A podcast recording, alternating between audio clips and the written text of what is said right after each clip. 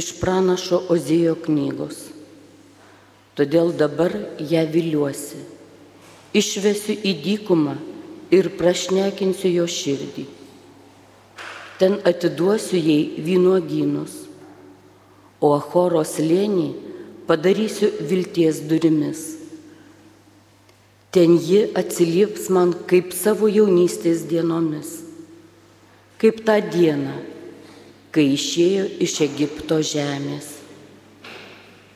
Susižadėsiu su tavimi amžinai, susižadėsiu su tavimi teisumu ir teisingumu, ištikima meilė ir gailestingumu. Susižadėsiu su tavimi ištikimybę. Tuo metu žinosi, kas yra viešpats. Tai Dievo žodis. Viešpats yra gailestingas ir mylintis. Viešpats yra gailestingas ir mylintis. Šlovink viešpatį mano sielą ir visa, kas manyje, te šlovina jo šventąjį vardą. Šlovink viešpatį mano sielą ir nepamiršk, koks jis geras. Viešpats yra gailestingas ir mylintis. Jis atleidžia visas tavo nuodėmes ir išgydo visas tavo lygas. Jis atperka tavo gyvastį iš kapo ir apgaubia tave meilę ir gailestingumu. Viešpats yra gailestingas ir mylintis.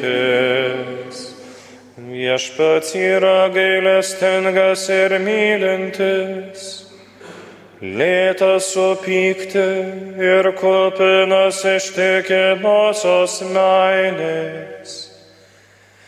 Ne visą laiką jis barsis, nei bus supykęs per amžius. Viešpats yra gailestingas ir mylintis Kaip aukštai nuo žemės dangus, taip didėjo ištikimoji meilė, pagarbėjo bijantiems. Kaip toli rytai nuo vakarų, taip toli nuo mūsų jis išsklaido mūsų nuodėmes. Viešpats yra gailestingas ir mylintis. Iš Šventojo Paštalo Pauliaus antrojo laiško korintiečiams. Broliai, Kristaus meilė valdomus, įsitikinusius, kad jei vienas mirė už visus, tai ir visi yra mirę.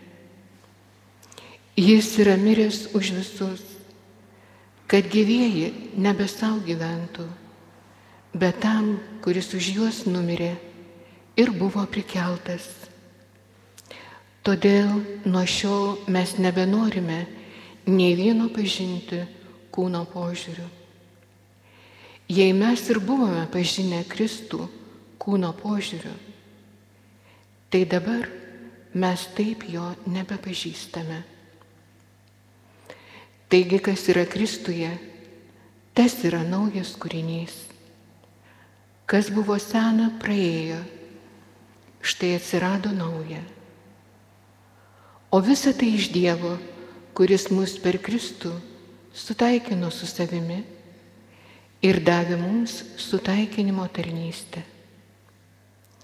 Juk tai Dievas Kristuje sutaikino su savimi pasaulyje nebeįskaito žmonėms nusikaltimų ir patikėjo mums sutaikinimo žinę.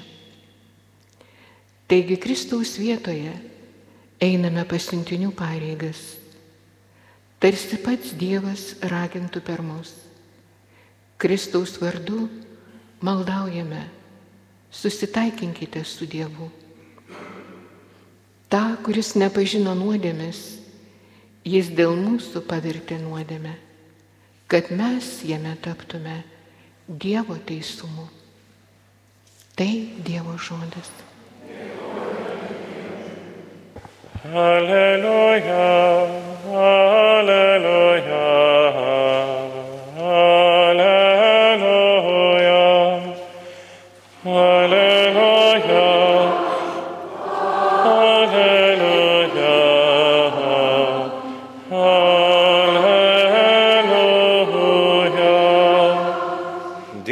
Dievas mus pirmas pamilo ir atsiuntė savo sūnų kaip permaldavimą už mūsų nuodėmes. Aleliuja.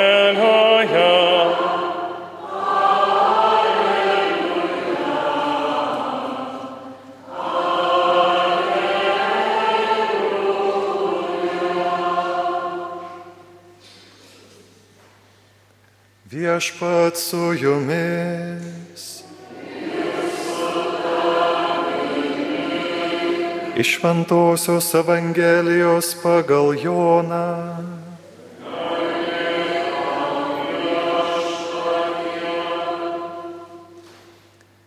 Kadangi buvo prisirengimo diena ir žydai nenorėjo, kad kūnai liktų ant kryžiaus per šabą, nes tas šabas buvo didelės šventės diena, jie prašė pilotą, kad nukryžiuotėsiems būtų sulaužyti blauzdikauliai ir kūnai nuimti.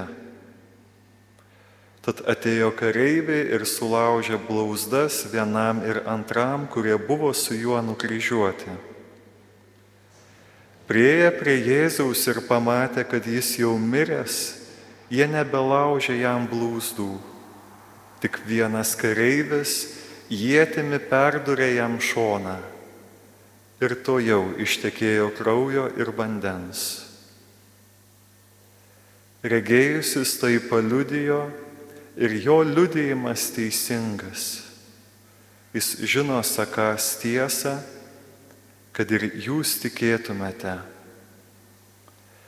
Taip įvyko, kad išsipildytų raštas.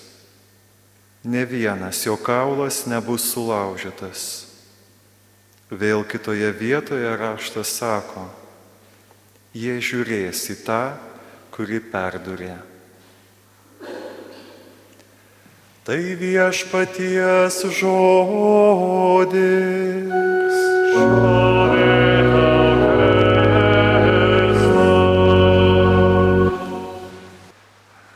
kartais klaidingai susidaryti mums įspūdis, kad Faustinos žinia mums, šio laikiniam žmonėms, yra troškimas pradėti matyti Jėzų kaip jinai vizijose, pasinerti mistiką. Ojojoj, tai yra dvasios tėvų ir palidėtojų galvos skausmas šį dešimtmetį ir šiais dešimtmečiais po Faustinos dienoraščio publikavimo. Kiek daug žmonių skaitydami dienoraščio eilutes nori taip kaip jie - matyti Jėzų, girdėti aiškiai, tapyti kažką ir galbūt kažkokį naują pamaldumą Lietuvoje arba pasaulyje įvesti. Tai ne apie tai Faustina byloja, ne apie tai yra Faustinos gyvenimas ir dienoraštis, bet Faustino žinia buvo, yra ir išliks apie gailestingą į Jėzų, kuris kviečia kiekvieną pažinti jį, sekti jį ir skelbti jį radikaliai. Spausdintiniam raidėm pamokslą pas mane parašyta - radikaliai. Pažinti, pamilti, skelbti. Kito kelio mėlyjei nėra. Kur esate šitoj kelioniai, nežinau, bet vis sugrįžkite, jeigu neskelbėte, sugrįžkite į klausimą, ar mylite, jeigu nemylite, sugrįžkite į klausimą, ar pažįstate jį. Ir taip visą gyvenimą pažinti, mylėti ir skelbti. Taigi tai troško mums nešti Faustina.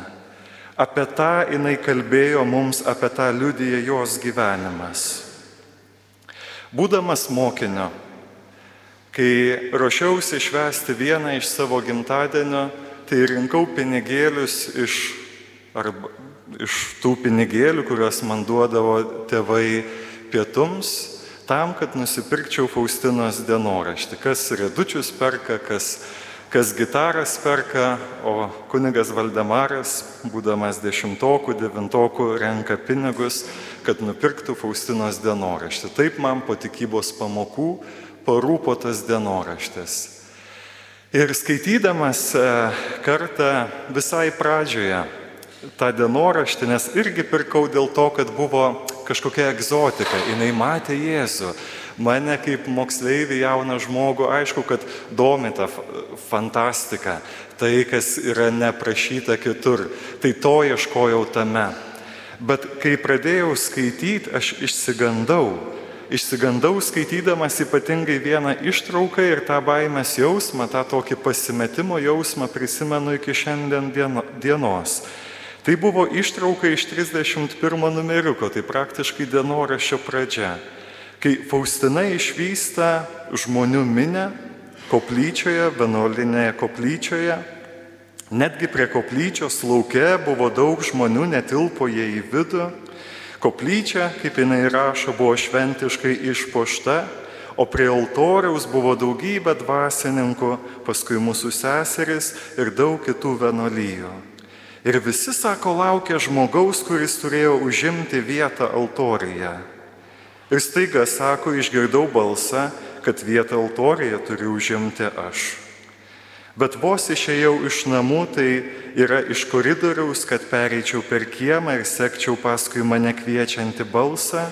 Sako, visi žmonės ėmė mėtyti į mane kas kuo galėjo - purvu, akmenimis, smėliu, šluotomis. Sako, akimirką suabejojau, ar eiti toliau, bet balsas kvietė dar stipriau ir nieko nepaisydamas drąsiai pradėjau eiti pirmin. Vos peržengiau koplyčios slengstę, tuoj į mane pradėjo, kuo įmanydami svaidyti vyresnėjai, seseris, auklėtinės ir net tėvai, kas ko galėjo Tad norom, nenorom turėjau suskupti užimti man skirtąją vietą altoriją. Ir sako, vos užėmiau man skirtą vietą, toj pat tie patys žmonės, ir vyresnėjai, ir seserys, ir auklėtinės, ir tėvai, visi ėmė tiesti savo rankas ir prašyti malonio, o aš visai neminėjau bloguojo, kad taip mėtė į mane įvairiausius daiktus Keistai jutau ypatingą meilę tiems žmonėms, kurie privertė mane greičiau įžengti į man skirtą vietą. Ta akimirka mano siela užlėjo nepriepamą laimę ir išgirdau šiuos žodžius. Daryk, ką nori, dalyk malonės, kaip nori ir kada nori. Ta akimirka regėjimas pranyko. Nelaukiau tokio regėjimo. Galvoju, kaip suprasti Tie žmonės, kurie savo rankomis tave palaikė, tie žmonės, kurie ta, sav, tom rankom glostė tave, kurie tau gyvenime padėdavo tom rankom, pradeda tom rankom tave žaloti, pradeda tave stumdyti. Prad, tai yra neteisinga, aš nesutikau su tuo, ką skaičiau, aš pikau tada, prisimenu, kaip taip galima, aš visiškai nesupratau to, ką skaitau, pasipiktinau ir buvau išsigandęs, jeigu tai tokie yra reikalai su Dievu, tai aš su tavim nedraugausiu turbūt. Nu ką tai reiškia? Reiškia, arčiau Dievo, tai reiškia, nepykantą žmonių gali sukelti. Taigi visi iki vieno kalbame apie tai, kad svarbu tapti šventuoju šventąją mūsų gyvenime, apie kanonizaciją, tą procesą, kurio metu skelbiami Jėzaus mokiniai šventaisiais, taip pat mes vadiname iškelimu į altoriaus garbę. Kažkas buvo iškeltas į altorių. Tad kas gali užimti vietą altorijoje? Pirmas dalykas, toji vieta jau yra užimta. Jėzus Golgotoje užėmė tą vietą. Niekas jau nebebus geresnis, pirmesnis, bet to kūno, kuris yra bažnyčia galva, jau užėmė pirmasis tą vietą. Bet tą vietą užėma ir užims iki pasaulio pabaigos visi. Visi, kas nori panašėti į Jėzų per meilę žmogui. Norėsi panašėti į Jėzų, tavęs irgi laus kvietimas ateiti ant šio altoriaus, užlipti ant jo. Bet reikės praeiti kliučių ruožą, nemenka kliučių ruožą.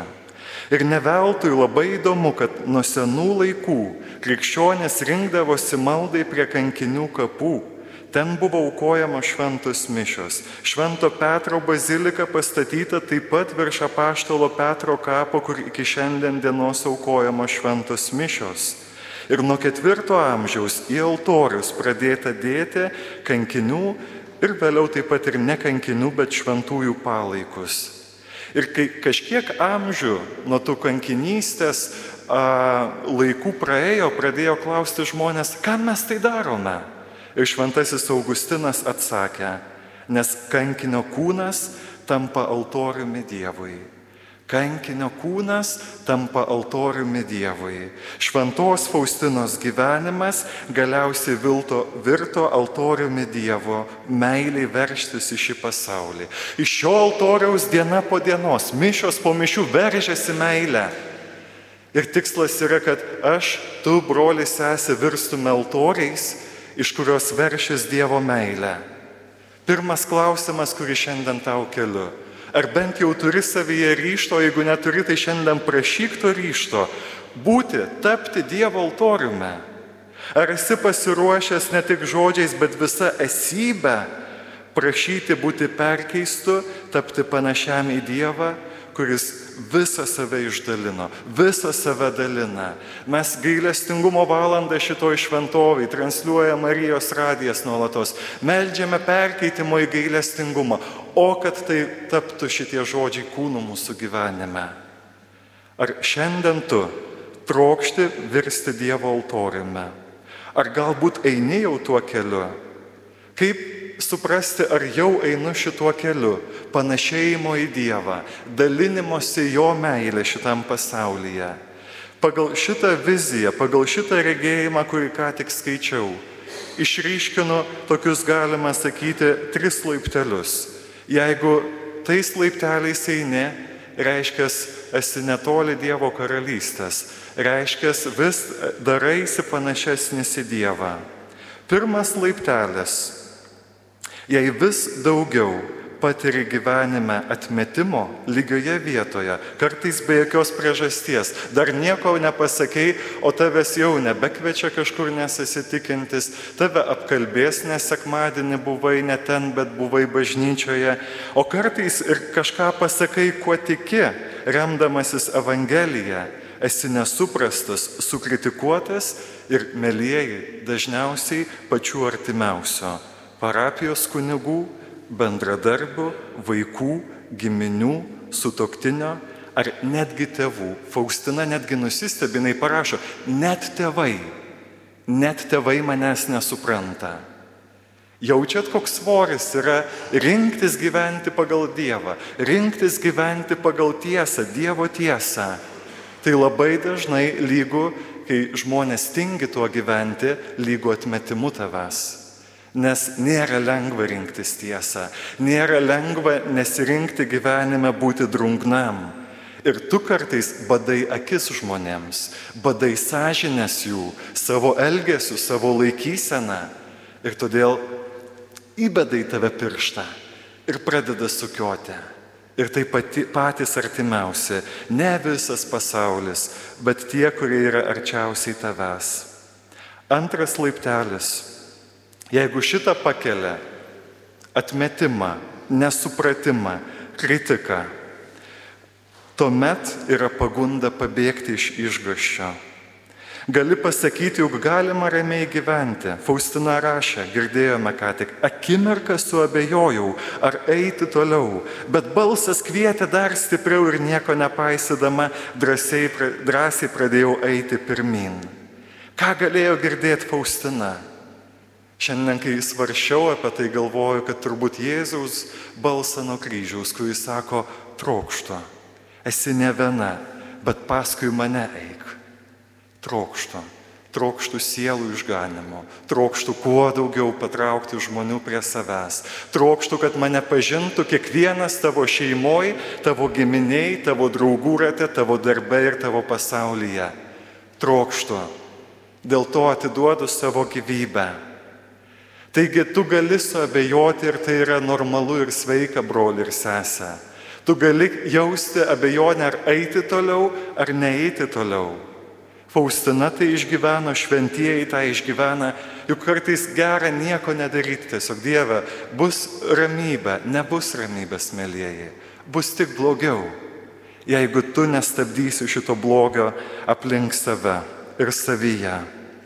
Ir trečias laiptelis kuris byloja, kad esi žiauri panašus į Dievą. Cituoju Faustiną, visai neminėjau bloguoju, kad taip mėtė į mane įvairiausius daiktus.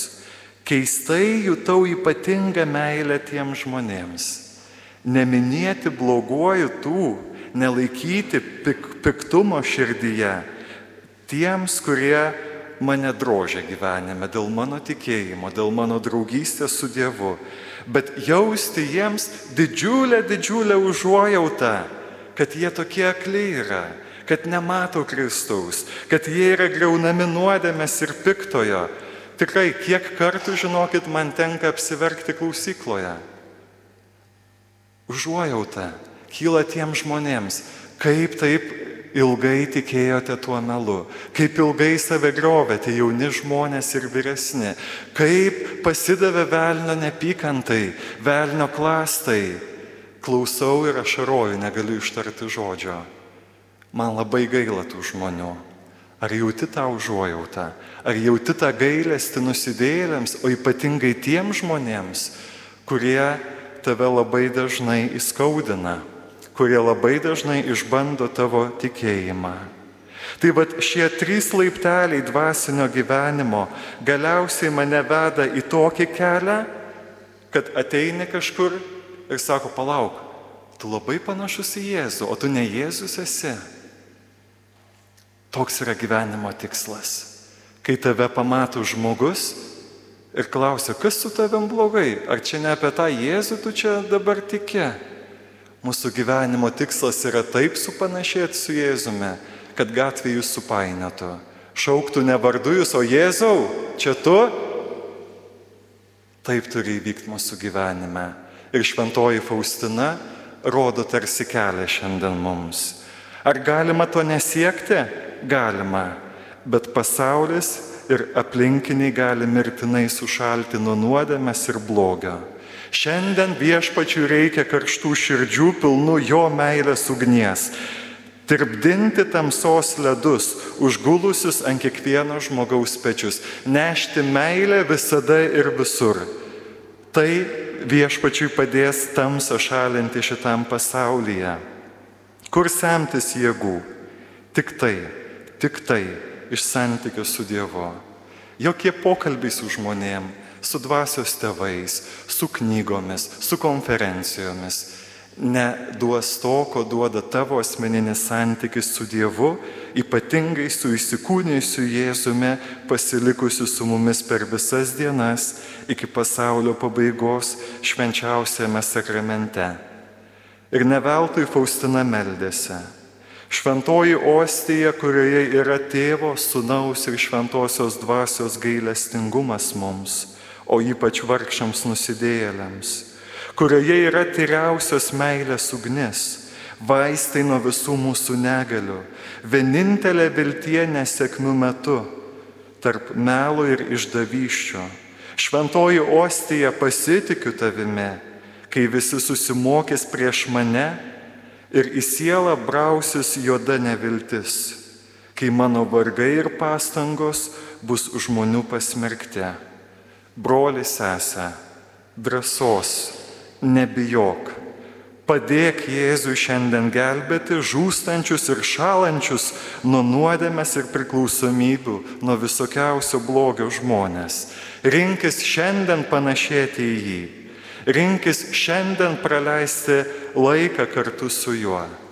Ir šiandien šventoji Faustina, kuriai Jėzus patikėjo dalyti malonės kaip ir kada nori, prašome vieno vienintelio dalyko. Žinau, kad atnešite daug prašymo, bet šiandien prašau prašyti geriausio dalyko, svarbiausio dalyko - pamilti Jėzų. Faustina, norime pamilti Jėzų. Galim pakartoti tai. Norime pamilti Jėzų. Ar tikrai norime pamilti Jėzų? Ir daugiau niekada nuo jo nei čia žemėje, nei amžinybėje nenugręžti veido. Amen.